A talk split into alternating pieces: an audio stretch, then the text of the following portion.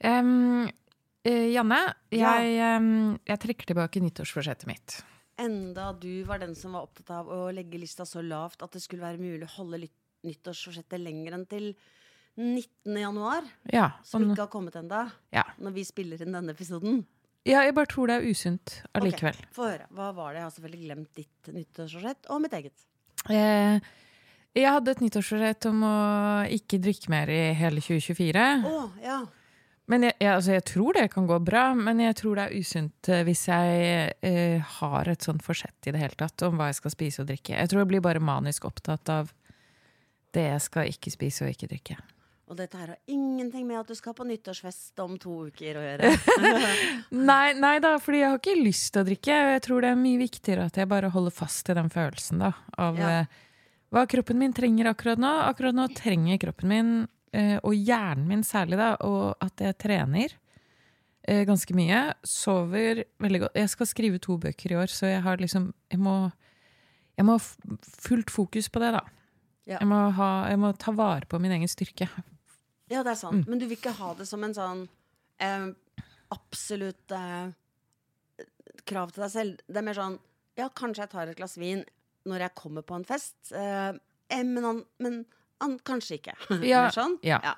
Og, okay, at, ja. og fokus på det jeg har lyst til å få gjort. Og særlig Men jeg tror et av forsettene mine var å være til stede.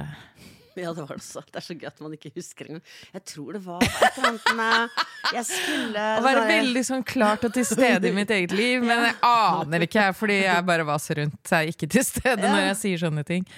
Um, Jo, men ja. du hadde det som et du hadde hadde det. det. Og du skulle være til stede i deg selv, ikke sånn utenfor. Sånn, der går Hilde Østby. Du skulle være mer sånn Jeg sitter her på denne stolen og puster med magen. Mm.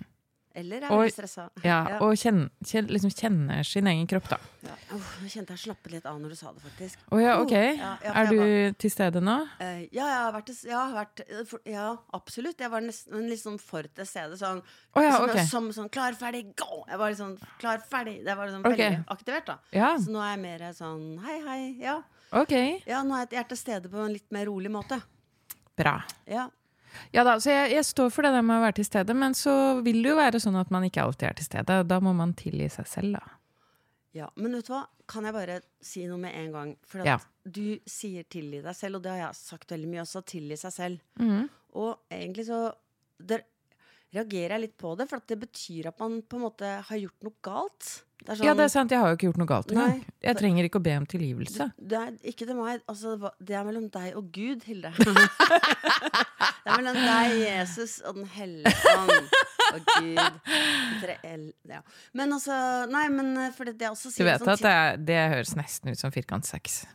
Fir, fir, ja, ja, ja, ja. Det er sant. Og det var nok det de tenkte på også da de skrev Bibelen. Jeg vil tro det. Det er min antakelse, da. Hallo, Maria. Var sammen med Josef, men også drev og traff en engel på si. Det var bare én gang, da. Ja, men liksom Og så kom Den hellige ånden inn i bildet. Jeg sier ikke mer. Det er sant. Men det, og ja, den, og den er, den er jo her for å bli. Altså Mm. Den hellige ånd, den er jo her for å bli, da. Så da Det får vi bare leve med. Men uh, så kan man lese Bibelen som fanden leser Bibelen. Uansett, dette har ingenting med religion å gjøre. Jo, det har det, fordi ja, du sa noe viktig før vi starta, nemlig at vi snakker om kroppen som om den er et tempel, altså på en sånn kristen måte, at vi forstår kroppen som et hellig skaperverk. Jeg er litt enig, egentlig, for jeg syns kroppen er helt fantastisk, men jeg føler ikke at jeg har noen forpliktelse overfor noen til å Det er det som er med de der nyttårsforsettene, at de er litt sånn Du forplikter deg veldig til noe du har lovet, da. Og de fleste lover jo da å ikke drikke alkohol eh, og trene masse. Og bli veldig tynn og slanke seg, kanskje. Gå ned 20 kilo i 2024. Og det syns jeg var så utrolig ekkelt å tenke på. At nå driver jeg med det samme greiene der, og det liker jeg ikke. Eh, fordi eh, Skylder jeg noen noen ting med kroppen min, egentlig? Ja, det, det, det har jeg veldig lyst til å diskutere med deg. Jeg syns det er utrolig spennende. Eh, og grunnen, altså, grunnen til at jeg tok opp det før vi, kom, altså før vi satt oss her på i det flotte eh, podkaststudioet på Deichman i Oslo, så, eh, så sa jeg det om at jeg at jeg føler at de som står på eh, TV, eller de som står på det, altså folk som uttaler seg i offentligheten, forskere, treningsfanatikere, helsepersonell, som uttaler seg om kropp og helse, at de er de nye yppersteprestene. Mm. Det er det nye, det, det, det nye hellige og det rene. Mm. Det er sånn Man snakker om f.eks. ren mat. Det Ja. skal ikke være ultraprosessert, det skal være rent.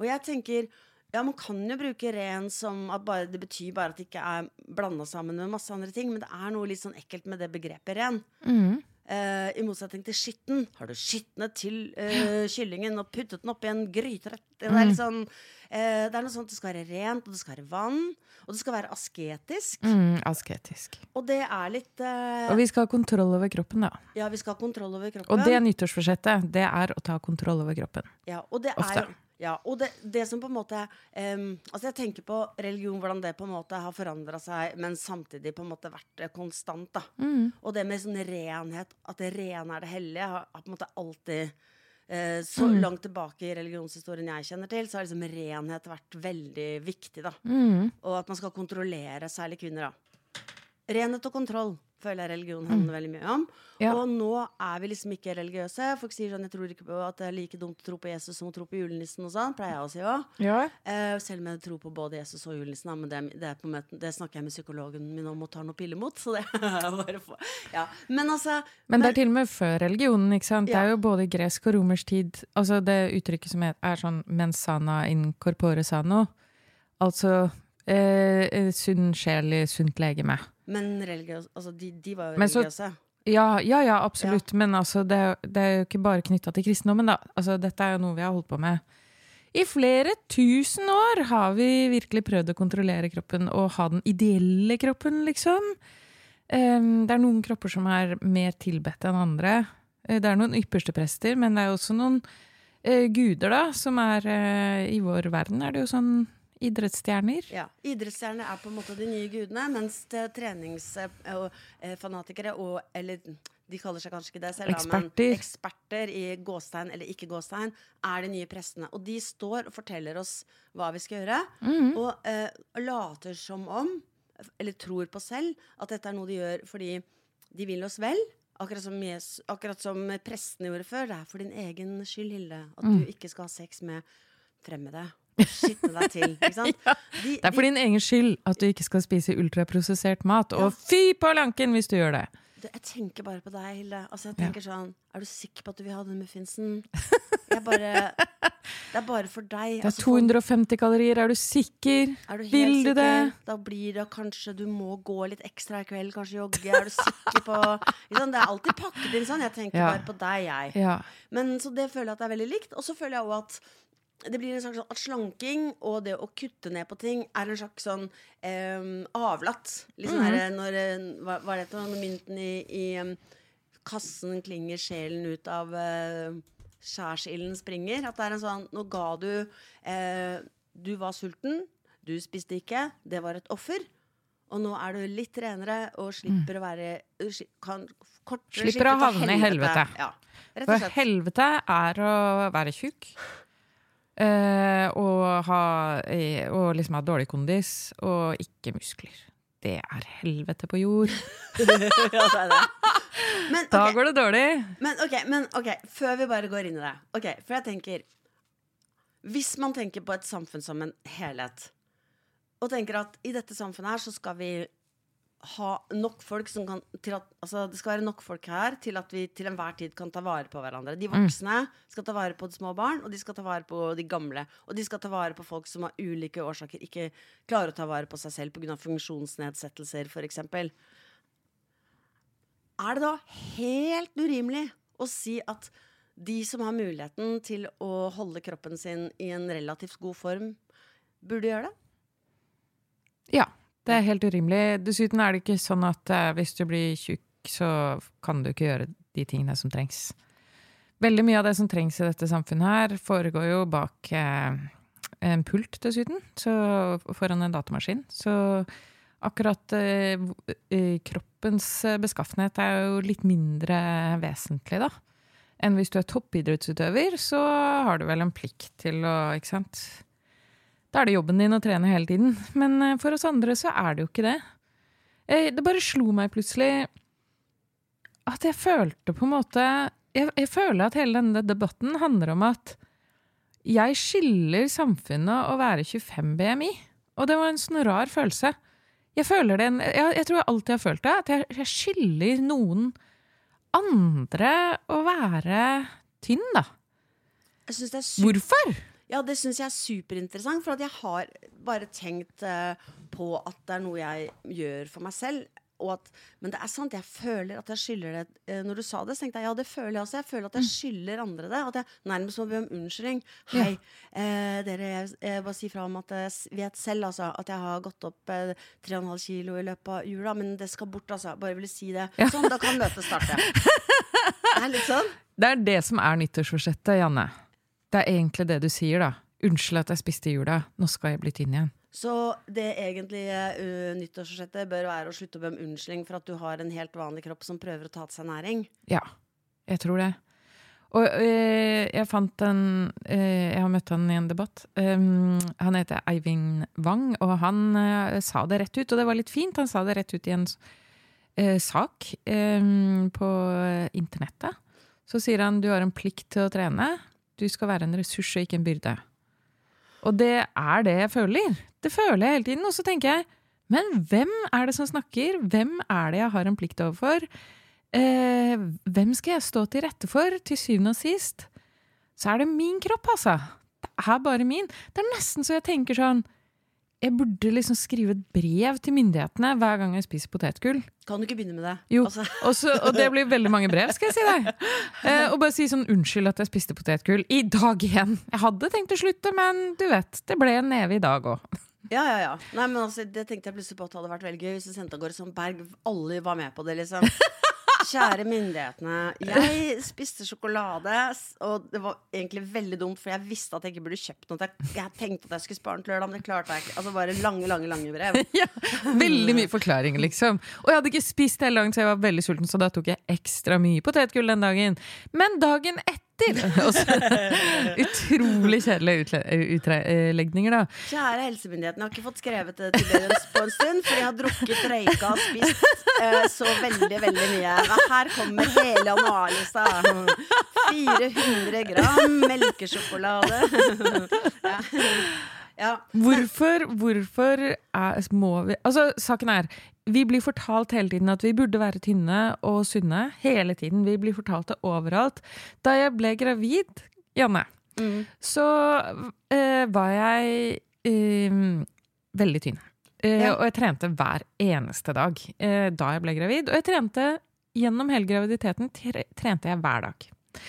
Så jeg var, en, eh, liksom, eh, jeg var jo en premiegravid, da, ifølge myndighetene. Og du merka ikke fødselen, for du har så vant å ta Jo. i. Den fødselen var helt jævlig, var det. så det hjalp ikke å ha gått på yoga, for å si det sånn.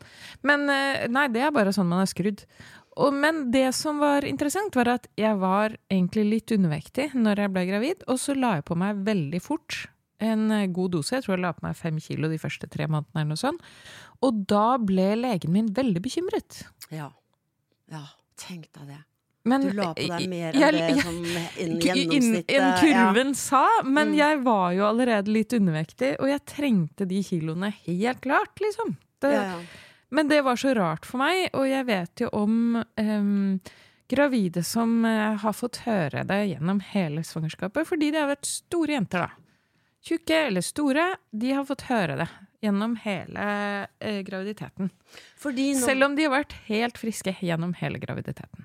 ja, fordi når man er, eh, når man er eh, altså, gravid, da er man jo enda, i enda større grad altså, Da skylder man enda mer til samfunnet. Virkelig. Barnet ditt tilhører samfunnet. Ja, og det gjør du også, Mm. fordi du bærer det fram. Mm. Jomfru Maria. Ja. Som, det er, liksom det, Det er virkelig helt sant. Det er kjemperart. Jeg har aldri følt det så sterkt at liksom staten eide kroppen min. Og det gjør den ikke. Staten eier ikke kroppen min. Den uh, får lov til å uh, stikke fingrene inn. Men jeg får ikke hele. Nei, fordi han du nevnte, altså Eivind Wang, han er jo um, professor ved Høgskolen i Molde. Må bare si det, sånn at ikke det bare var en random Nei, nei, eh, fyr han er ekspert på trening. Face. Han Ja. er ekspert på trening. Men jeg tror også at de som er helsefanatikere, eller det skal jeg ikke si at han er, men altså de som er veldig opptatt av helse og trening, og som har gjort dette sitt levebrød, levebrød, eh, de de føler at de i veldig, veldig stor grad eh, sitter på en slags sannhet. da. Mm. At liksom, dette er vertifisert. Liksom, det, det, var, det er sånn gøy noen ganger når man ser eh, altså Jeg må bare En liten digresjon. Jeg må bare si at Det er helt, helt sinnssykt å se på debatter hvor det er eh, sånn som da, debatter har blitt i det siste. At det er noen med utdannelse og, som, og en profesjon som vet hva de snakker om, og så er det en influenser som sier sånn 'Jeg syns noe annet'. Altså, det er veldig, veldig rart å se på. Sånn at det, da blir det jo um, veldig vanskelig som seer eller lytter å vite hvem man skal uh, feste lit til. Da. Ja.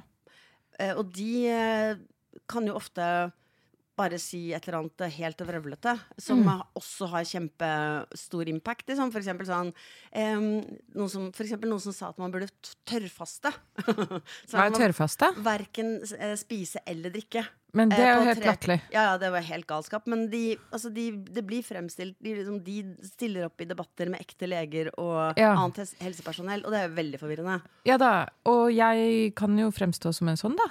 Janne, for jeg er ikke lege, men jeg har tross alt lest utrolig mye forskning. Og jeg vet at det verste for kroppen er ikke de ekstra kiloene. Nødvendigvis. Altså, halvparten av alle tjukke har absolutt ingen sykdommer på noen som, nei, symptomer på noen som helst slags sykdom. Og svært mange har symptomer på sykdommer som ikke har noe med eh, med de ekstra kiloene å gjøre i det hele tatt. Eller det er ikke ekstra kilo, det er kroppen deres. Vi må slutte å si overvekt, og vi må slutte å si ekstra kilo. Fordi det er ikke Min kropp nå har ikke noen ekstra kilo. Det er meg. Ja, ja, ja. Det er bare meg. Punktum. Det er ikke noe pluss noe. Det er, eh, det er sånn jeg er. Det er ikke 'hei, hei, her kommer jeg' og noen ekstra kilo. Ja. Som om du har en hund i et bånd, liksom. Det er, det er ikke det. Men, Men, altså, det er jo, så derfor så Men vi snakker jo som at det å, tjuk, å være tjukk i seg selv er kjempeusunt. Men det jeg vet er veldig usunt, og som er helt forferdelig å si høyt, og som mange blir lei seg over at jeg sier, det er å være ensom. Hvis du er ensom, så er det et så intenst stress for kroppen, dette har vi snakket om i flere episoder, at det er verre for deg. Og dette er jo et kjempestor, eh, en kjempestor eh, metastudie basert på 300 000 mennesker som viser at det verste for kroppen din er ensomhet. Men, og nå kommer vi til poenget, snakker myndighetene til oss borgere om ensomhet på den måten de snakker om kilo? Det å fokusere på en sånn bitte liten ting, det minner meg om en historie jeg hørte en gang, om noen som jobba på et uh, gamlehjem. eh, og de hadde ikke hatt brannøvelse. Og en dag så begynte det å brenne, og ingen visste hva de skulle gjøre. Og da var det en fyr eh, som eh, begynte å kaste nattbord ut av vinduet. Og da begynte alle de andre også å kaste nattbord ut av vinduet. Fordi det var det beste de kom opp med. De bare, jo, de bare fulgte det, da. Og det gikk jo veldig dårlig. Eh, Døde de gamle, eller? ja, det er veldig sånn historie som bare stopper der. Ikke sant? Så er sånn, og så kom ambulansen, Tenk deg selv. og så Ja, Da kan man bare tenke seg selv hva som skjedde der. Men eh, det var feil fokus, da. Feil fokus. Og det er sånn jeg føler det er at vi gjør det med, eh, med å være menneske og med vår helse, som er både psykisk og fysisk, og alt henger sammen. Så fokuserer vi på å kaste nattbordet ut av vinduet. Det er sånn Okay, Eller folkens, kilo, da. Jeg vet hva vi gjør! Vi eh, slanker oss 1,5 kilo, alle sammen. Så går dette veldig bra. Vi går én time hver dag, alle sammen. Så går dette bra. Drikk vann. Man bare fokuserer på et bitte, bitte lite område. For det andre er det jo kjempevanskelig å gjøre noe med. Visste du bare eksempel denne ene tingen, at det er 108 forskjellige grunner til at man legger på seg? Nei, det visste jeg ikke. 108 forskjellige grunner, men én løsning! Slank deg! Tren! Mm, ja. Drikk vann. Ja, ja. har, du noen, har, du noen, har, har du noen favorittårsaker eh, av de 108 årsakene til at man eh, legger på seg? Ja, den, eller min favorittårsak, som jeg alltid forteller om når jeg snakker om ensomhet, er jo historien om Vincent Felitti, som skulle sette opp en slankeklinikk i San Diego i 1985. Og så når han slanka folk, så bare dreit de i å slanke seg etter en stund. Kom ikke tilbake. Og så snakket han med 200 av sine tidligere klienter da, for å finne ut hvorfor Hvorfor slutta du med det kjempelogiske slankeprogrammet ditt, som eh, handlet om å jogge og spise brokkoli og drikke vann? Og så eh, Hvorfor gjorde du ikke alle de logiske tingene når jeg, det var så lett for deg? Og så fant han ut at eh, Eh, de var overspisere, og de overspiste av en grunn. De spis, overspiste fordi de hadde masse traumer. Og da de hadde blitt voldtatt eh, før de var 18 år, eller utsatt for vold eller omsorgssvikt eller Utestengelse, kanskje. Utestengelse er ikke en del av hans undersøkelse, men eh, det Faen. Ja, det, det går bra. Men det kunne det vært. Eh, og det, forskningen på det, det som heter giftig emosjonelt stress, har jo blitt større og større. Så nå vet man jo f.eks. at kvinner som blir utsatt for rasisme, de griper raskere etter potetgullbollen, faktisk. Som er logisk, fordi Det er veldig logisk å overspise hvis du føler at du ikke er beskyttet av en flokk, fordi da vet du aldri når du får mat neste gang. Og det, det Sånn har jeg levd. At jeg visste at jeg var veldig verdiløs og ikke egentlig fortjente å være noe sted. Så jeg er eh, ekstremt opptatt av mat. da. Jeg skanner rommet og vet hvor maten er. Og hvis det er noe gratis mat, så pleier jeg å stjele det fortsatt. Ja, ja, ja. ja, ja. Hvis det er et eple, en sånn eplekurv Husker du vi var hos optikeren den gangen? ja. Og jeg bare stappet lommene fulle av Twist og sånn der eh, mandariner. Her tok du twist og mandariner, for jeg tok, sånn, eh, jeg tok bare sånne små sjokolader, og så drakk jeg en kopp kaffe, selv om jeg ikke liker å drikke en kopp kaffe. Jeg bare Det er gratis! Det er gratis, jeg får det! Og nå må jeg ta og benytte muligheten. Og det er veldig logisk hvis du føler deg eh, forlatt og ensom. Da bare tar du alt det du finner, i det øyeblikket du finner det. Hvis du finner Så dette snur jo opp ned på et eksperiment som det har vært veldig populært å snakke om da, når man snakker om smarte unger eh, og følelsesregulering. Da har vært veldig opptatt av dette eksperimentet med marshmallowsene. Du har sikkert hørt det? Ja, men fortell det. Det her elsker jeg det jeg tror du skal fram til nå. Hvis Ja. det ikke er det du skal fram til, Så jeg elsker tror, du det ikke. så elsker jeg ikke deg. Hilde. Nei, ok, såpass. Eh, nei, du vet hvor jeg skal hen med dette. Ja. Nei, Fordi bare- ja. dette er et veldig gammelt eksperiment som viser hvem, hvilke barn som er smarte, og hvilke som ikke er smarte. Og hvilke barn som klarer å tenke langsiktig, og hvilke som ikke klarer å tenke langsiktig. Så de barna de blir presentert for en haug med marshmallows, og så eh, får de vel høre at de får mer marshmallows hvis de sparer marshmallowsen. Hvis Eh, du venter en halvtime, så ja. får du en marshmallow til. ja, så da tjener du på å spare, ikke sant? Så da er du en smarting hvis du venter den halvtimen. Og så er det mange barn som eh, bare tar den marshmallowsen og spiser den likevel. Og da har jo de blitt utsett til å være de dumme barna.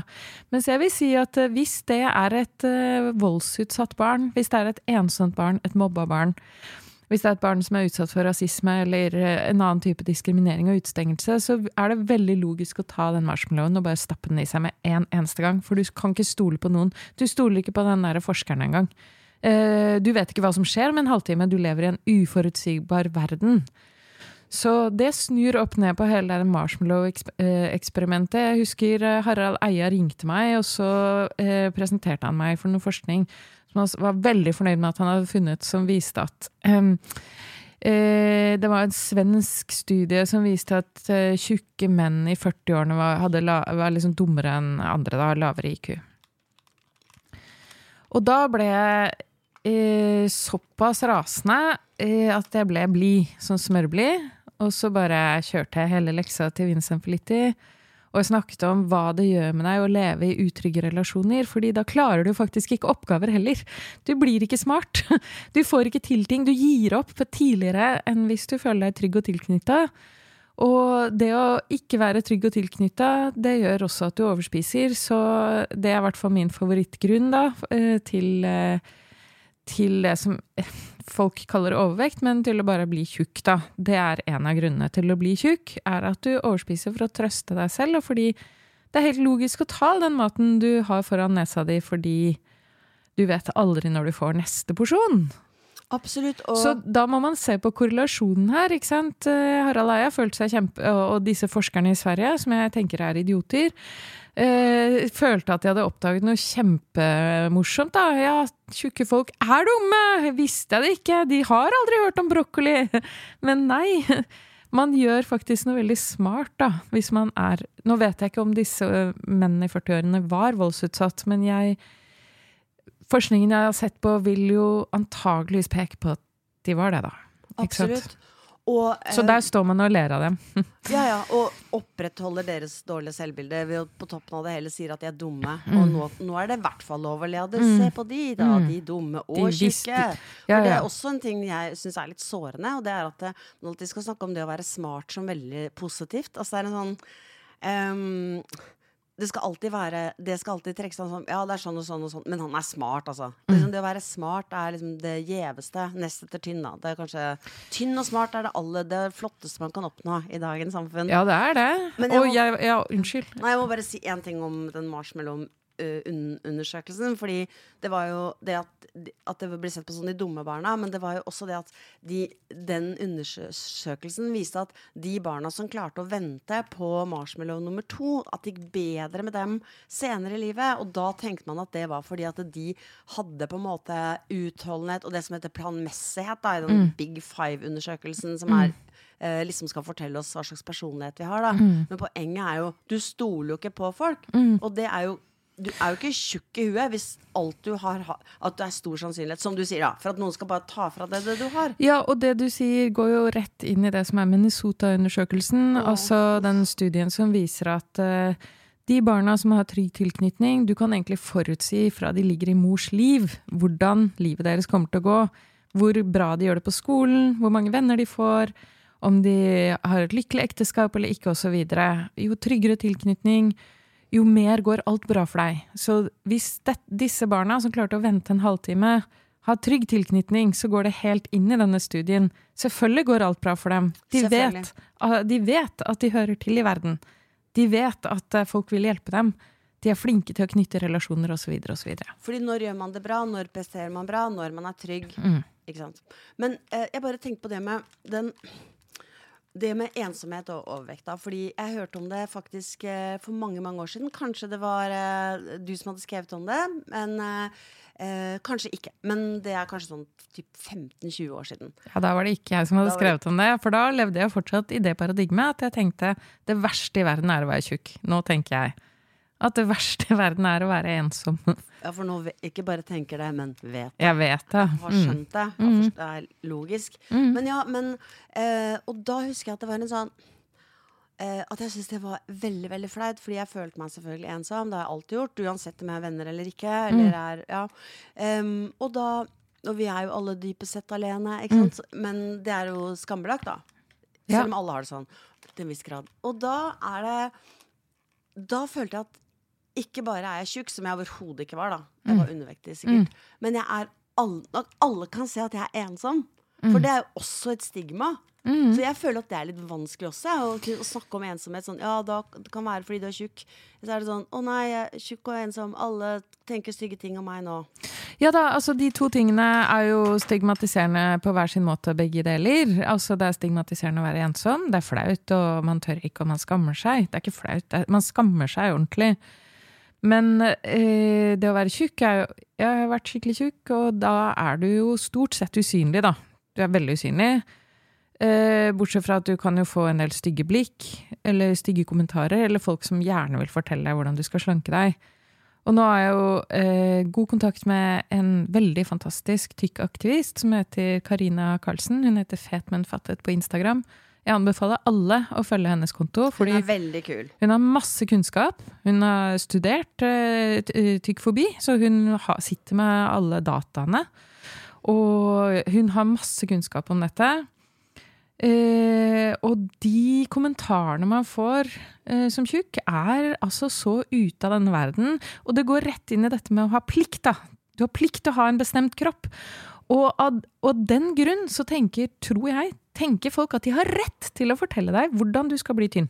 Ja, det, det er akkurat det samme som at um, Tenk om krystallnatten. tenkte på At plutselig når jøder ble tvunget til å stå og vaske fortauene utenfor for, uh, butikkene sine med Tannbørste. tannbørste, så var det en, en jøde som fortalte, som ble utsatt for dette, som fortalte at det var en mor som løftet uh, barnet sitt opp, sånn at barnet skulle få se bedre på han som sto der og vasket med tannbørste. Så det er en forferdelig historie. Og kanskje noen vil synes at det er for drøyt å trekke den sammenhengen, men det er på en måte myndighetene har gitt tillatelse til at dette skal skje.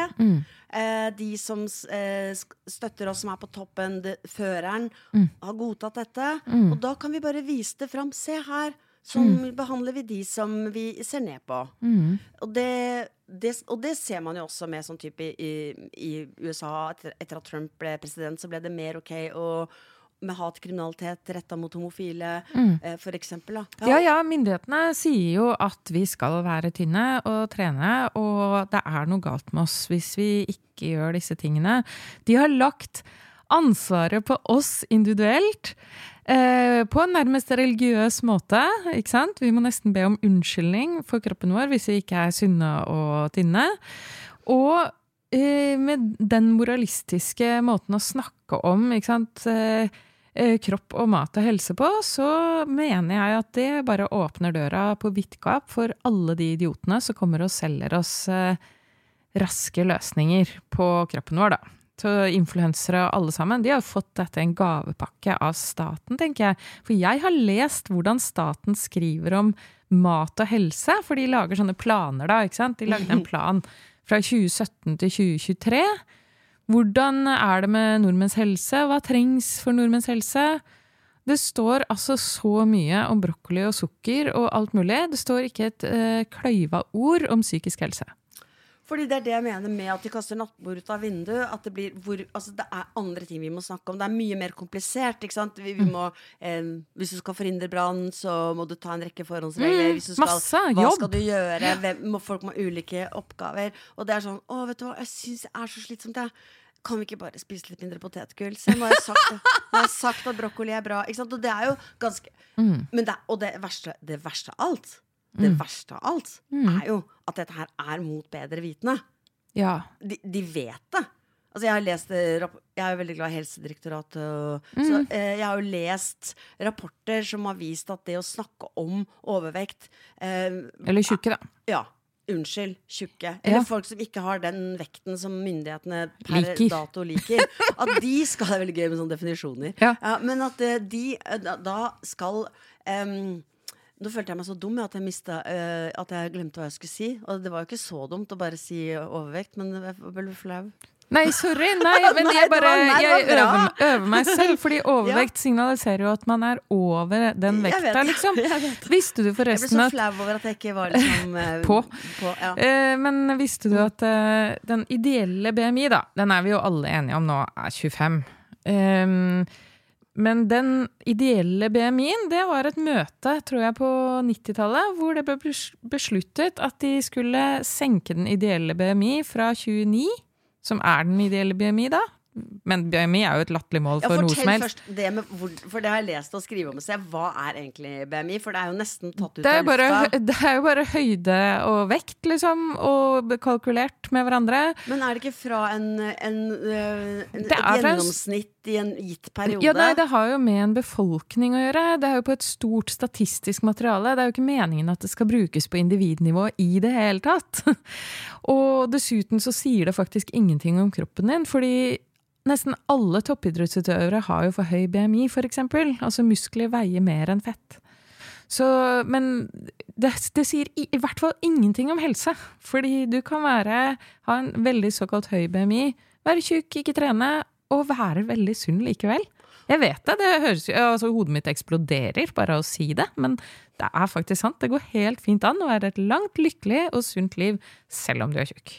Og det er faktisk veldig farlig å si Altså mange grunner til at det er farlig å si at uh, hvis man veier over en, et gitt tall, så er det helseskadelig. Fordi det gjør jo at man tror på at man ikke klarer å gå lange turer, f.eks. Og Mm. um, Det er stigmatiserende i seg selv. Men jo, det var det jeg skulle Ja. si. På et møte på, for eh, 50 år siden så ble det bestemt at eh, det var lettere for befolkningen å huske tallet 25.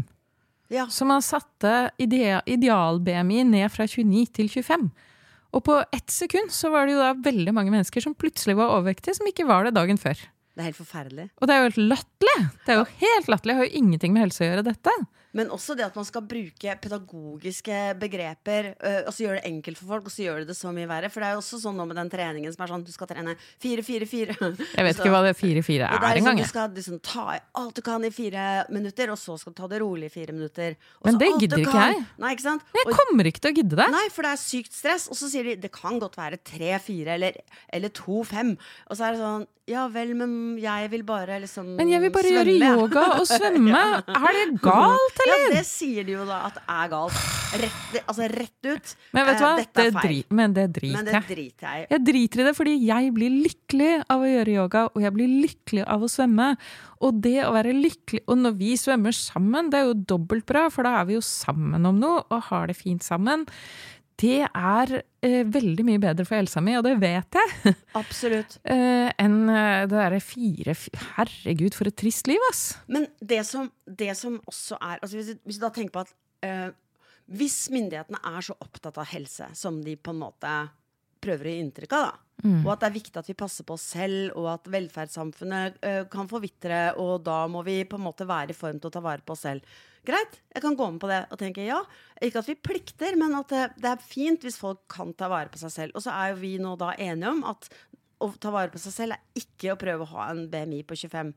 Men jeg vil jo gjerne ha en sunn befolkning. Av den grunn at jeg ønsker at folk skal ha det bra. Og med Ja, sunn så ja. mener jeg tilknytta, eh, ha venner, eh, leve et meningsfullt liv, få gjøre ting de liker. Altså være glade, da. Glade og gode mennesker som har det fint sammen med barna sine. Og, og barn som vokser opp i trygge hjem. Det er Ja. det jeg ønsker meg. Ja, det Eh, ønsker så- jeg meg også. Men hjelper det med å gå rundt og mase på folk om dette? Absolutt ikke. Men da tenker jeg for den store operasjonen her, da, som ikke er å kaste nattbord ut av vinduet. Mhm. Den store em, operasjonen som myndighetene burde iverksatt, da, og som man faktisk burde eh, prioritert på universiteter og høyskoler rundt omkring. Det er ikke slanking og ikke 444. Men hva er det da? Hva er den store Hva er alle de andre tingene vi burde hatt fokus på? Eh, Jeg for min del, ekstremt enkelt, vi må bare snakke utrolig mye mer om følelser. Hva er det som er aller farligst for unge menn i Norge i dag? Er det å være tjukke? Ja. Er det å være tjukke? Nei, selvmord, som du sier. Ikke sant? Unge menn ligger på toppen av selvmordsstatistikken, og de eh, har dårlig psykisk helse. Så da kan vi heller snakke mye mer om følelser, alle sammen. For å komme et langt skritt videre for eh, en god sånn folkehelse. Og så kan helsemyndigheter, som hun der Mina Gerhardsen i Foreningen for folkehelsen, hun snakker gjentatte ganger, igjen og igjen, snakker hun om at tjukke barn er et problem for samfunnet. Det er et så stort problem nå at barna er blitt så tjukke. Hvordan våger man, hvordan våger hun, å snakke om en bestemt type barn som om de er en byrde for samfunnet? Hvordan våger hun? Det mener jeg. Det er så mange barn som har det så vondt, og som vil være del av fellesskapet, men det å peke på en gruppe sånn, og si at de hører ikke til her, det er noe galt med de, de må repareres, de, de er ikke vanlige barn, de. Det er noe galt med dem. Du kan, la, du kan prøve å vri deg unna det, men det du egentlig gjør, er å stigmatisere en hel gruppe barn. Hvordan våger man?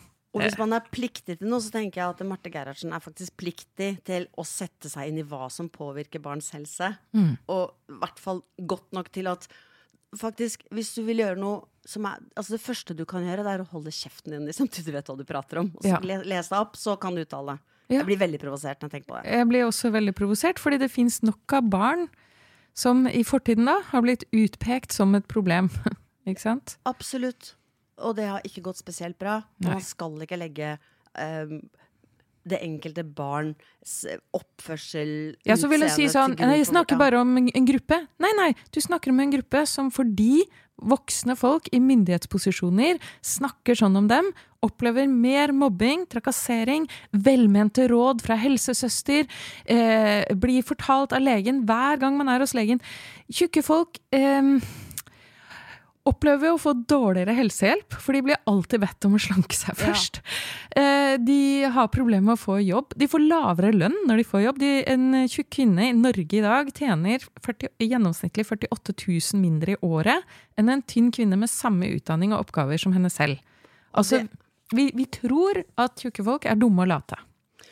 I tillegg til det, det med at det er viktig at vi snakker sammen, at vi tar vare på hverandre, og at, at altså vi, snakker om følelsene våre og tar vare på hverandre, så er jo økonomi en ganske viktig eh, indikator for hva slags helse man har, da. Nei, da det, men egentlig er det ikke det. Fordi jeg tror vi snakker altfor mye om det. Fordi eh, nå er 60% av norske kvinner regnet som for tjukke. 75% av norske menn. Da tror jeg ikke vi kan snakke om klasse lenger, altså. Kanskje ikke når det gjelder vekt, men hvordan man har det Ja, som helhet. Ja, ja, ja. Noe med, med helse å gjøre. At Ja, la oss snakke om det. Ja, la oss snakke om det. Og tenker at Hvis du da er bekymra for eh, hvordan, du, eh, hvordan det skal gå med deg og barna dine, om du skal være bekymra for eh, Mm. Ja, ja, får strømutgifter og alt det der. ja, ja. Å sove om natta, slippe Mm. å bo i blokker eh, hvor du bor sammen med folk som hyler og skriker fordi Mm. de har masse traumer og utfordringer. Ikke bra for små barn, f.eks. Mm. Men det er også, føler jeg jo, at myndighetene er veldig opptatt Eller at det alle er opptatt av, da, det er at de som ikke har så mye penger, har ikke råd til å kjøpe den rene maten. Mm, ja, Det er også en veldig også de bare klarer å pense det inn på um, Maten, på, liksom. På mat. Alt kan penses inn på mat. Mens det å ikke ha penger, og ikke f.eks. kunne delta på aktiviteter, eller det at man må, må skjule Barn bruker jo vanvittig mye ressurser på å skjule fattigdom eller andre typer problemer de har. Hmm. Det er jo superhelseskadelig. Ja, det er jo det som er helseskadelig. Altså, nå er det jo, Før eh, dyrtiden så var det 115 000 barn som vokste opp i fattigdom i Norge. Og det tallet vil jeg tro har dobla seg siden. Og jeg går forbi den køen til Fattighuset eh, på Grønland. Går forbi, sprade forbi i Ja. ny kåpe. Ler hånlig mens jeg drikker en latte til 50 kroner. Jeg følte det var det jeg formidlet nå.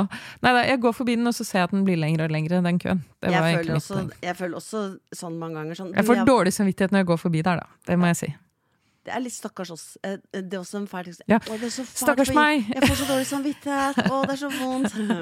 Nei, men altså, ja. Men, øh, men en annen ting, da, er jo at det er jo noen som tjener på at man Ja. har et veldig stort fokus på mat og helse. For, mm. altså, eh, og det er jo altså, Eller at ikke helse, men ha fokus på mat og vekt. Noen har veldig, eh, tjener veldig mye på det. Slankeeksperter, eh, helse, såkalte helseeksperter, influensere. De tjener rått med penger på dette her. Den jevne 45-åring i England har prøvd å slanke seg 61 ganger.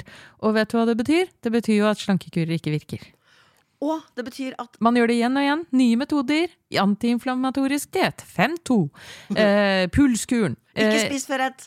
ikke spis før Ikke spis før kvart over to. Ikke spis i det hele tatt.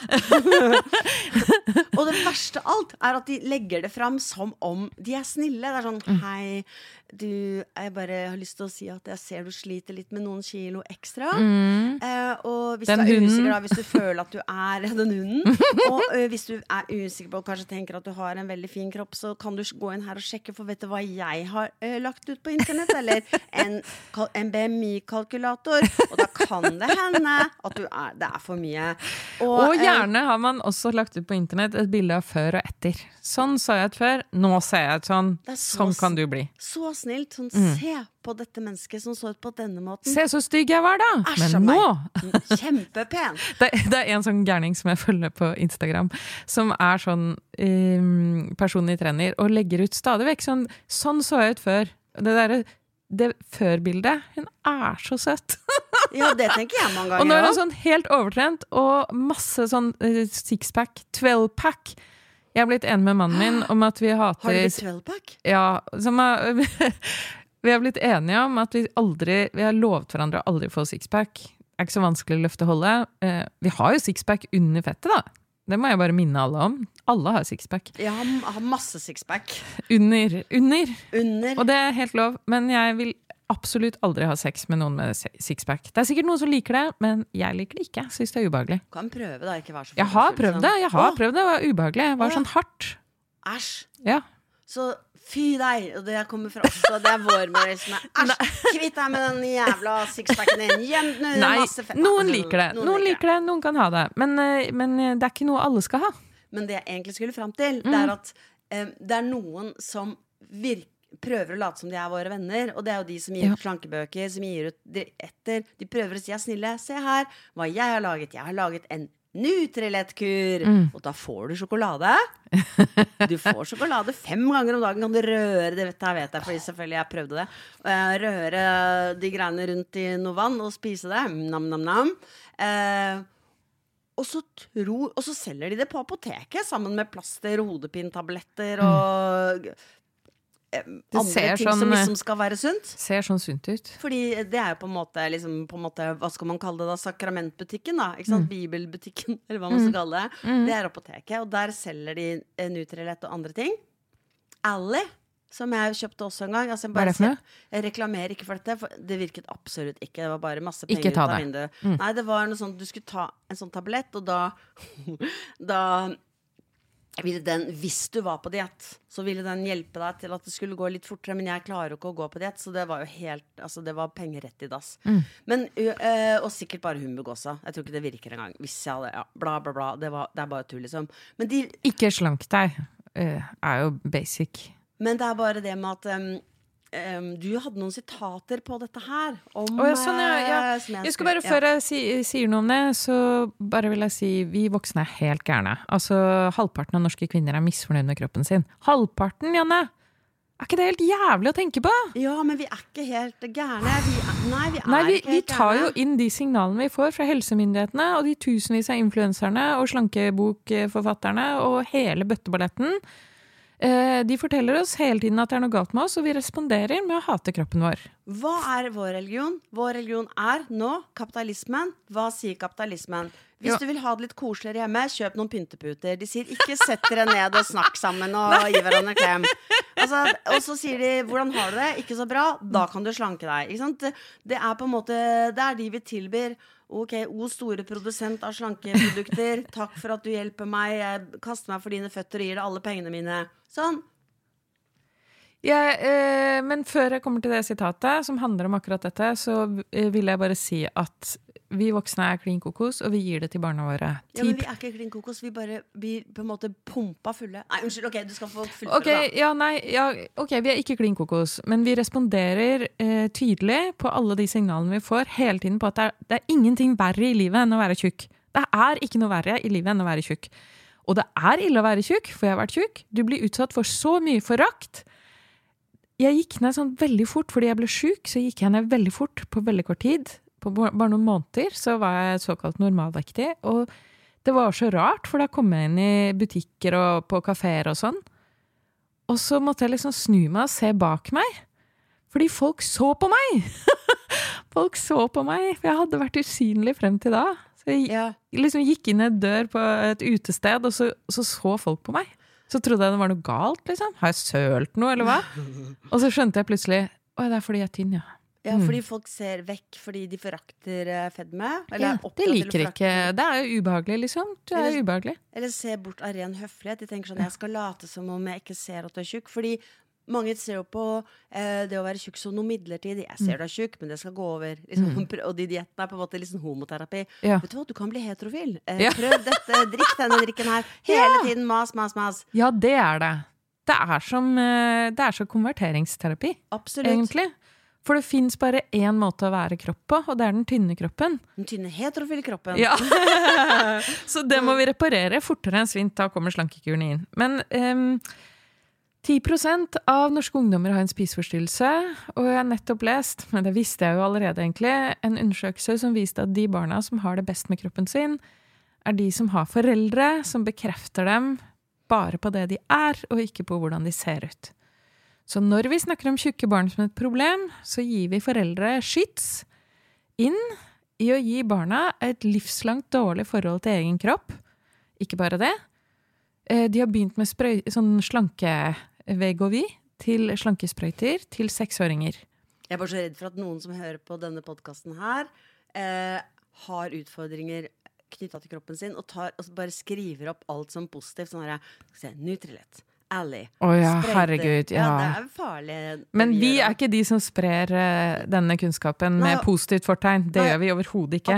Ikke. Ikke gi barnet ditt slankesprøyte, for det forferdelige er at det barnet eh, eh, vil da miste appetitten. Altså det barnet mister kontakten med et av de viktigste primærbehovene kroppen har.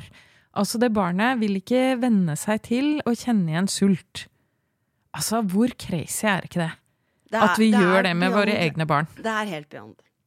Det syns jeg ikke at myndighetene skal applaudere. Vi, eh, men i, eh, Jean Baudrillard sa allerede i 1970, i, i, og veldig forutseende, i konsumerismen er det ett objekt som er bedre, mer verdifullt og skinnende enn noe annet, og til og med enda mer eh, symbolladet enn bilen, på tross av at den eh, omfatter alle andre. Det objektet er kroppen. Her kan vi legge inn eh, Konsumerismen kan legge inn hele støtet på kroppen. Vi blir aldri ferdig med å forbedre den. Den blir aldri bra nok. Det er så mye man kan selge i forbindelse med kropp. Eh, fordi kroppen forandrer seg hele tiden. Eh, og det er alltid noe som kan bli bedre. Er det folk vil at vi skal føle? Sånn at vi kjøper produktene deres? Ja, eller ja, ja. tenker at den utdannelsen de har tatt på universitetet, er viktig? Men du, jeg bare tenkte på én ting nå, Hildemor. Og det var når vi snakket om det med spiseforstyrrelser. For jeg tenker, ok, hvis vi skal uh, gå vekk fra begreper som overvekt og, og heller kalle det for eh, tjukk, eller bare ikke kalle det for noen ting, bare at det er en kropp. Mm. Kropp. eh, liksom. Vanlig kropp, liksom. Vanlig kropp. Eh, at det blir liksom å bruke n-ordet. da, At man hele tiden skal kommentere sånn Jeg snakket med en dame i går, jeg tror hun veide over eh, 100 kilo. At det er en Ja. rar ting at man alltid skal kommentere det, Ja. at det skal være en gruppe. Men da tenker jeg kanskje man skal slutte å definere eh, mennesker som har utfordringer med mat. At man skal slutte å definere det som spiseforstyrrelser. Fordi hvis man sier at det er en spiseforstyrrelse, så kan man behandle det med mat eller sprøyte mot sult. Eller, altså, da kan man gjøre det på den måten. Men man ikke må kalle det for Ikke isolere det og kalle det for spiseforstyrrelse, men kanskje kalle det for eh, eh, sammensatt helseproblematikk, da. Fordi Altså, ikke Altså hvis problemet ditt er at du ikke spiser mat i det hele tatt, eller, eller spiser altfor mye mat fordi du døyver eh, eh, smerte, eller fordi du er usikker på om du tilhører en flokk Men kanskje Det blir jo bare symptomer, så det, igjen her blir det jo bare Altså, spiseforstyrrelsene er jo bare symptomer. Ja, ja. så det blir også bare behandling av symptomer. Det blir bare behandling av symptomer. Men når det kommer til anoreksi, da, som er den farligste spiseforstyrrelsen av alle, så må man på en eller annen måte få folk opp i vekt ganske fort. Fordi det er den dødeligste av alle. Bortsett fra det så tenker jeg alle andre Nei, snakk om følelser. Eh, prøv å finne ut hva som egentlig ligger bak. Eh, spisemønstre. Jeg for min del bruker jo mat bare for å regulere følelser på en eller annen måte. Eh, eh, så det er jo følelser som er løsningen. Jeg er selvfølgelig enig at man må komme fort opp i vekt når man har eh, spiseforstyrrelser, og særlig for at hjernen Nei, anoreksi bare. Anoreksi, for, ja, for at hjernen For det er, det er så farlig. likevel så er det et symptom, da. Ja, det er bare et Men- symptom. Ja. De vil egentlig, hvis noe skal slankes bort, så må det jo være all reklame, all fokus på at mat er skadelig for deg. Eh, Jeg tror og, eh, vi må slanke bort hele helsemyndighetsmoralismen i oss. og noen må, noen må tenke nytt. Noen må si vet du hva, vi kaster de greiene vi har holdt på med her. Det er helt feil fokus. Nå, denne regjeringen vil eh, ha fokus på likeverd. Vi vil ha fokus på at eh, barn skal eh, leve i et eh, samfunn som er trygt og godt. Og det gjelder alle oss andre også. Vi lager masse nydelige relasjonelle møteplasser hvor folk kan, folk kan treffe hverandre. Vi lanserer kurs hvor vi kan eh, eh, lære mer om hvordan vi snakker sammen om vanskelige ting. Vi eh, eh, lager små, fine møterom som f.eks. min favoritt eh, eh, Altså det koseligste med din bok 'Kart over ensomheten', 'Men in Sheds'. Hvor menn kunne komme og holde på med ting, og så kunne de bli kjent Sånn med hverandre og snakke verktøy. sammen da. Kan stå og dele verktøy. Stå og dele verktøy. Gjøre det framfor å hele tiden fokusere på mat, eller fokusere på at vi fokuserer for mye på mat. Ja, bestemme at eh, vi skal være et samfunn hvor vi snakker om følelser, da. Fordi mennesket er helt og holdent uh, styrt av følelser.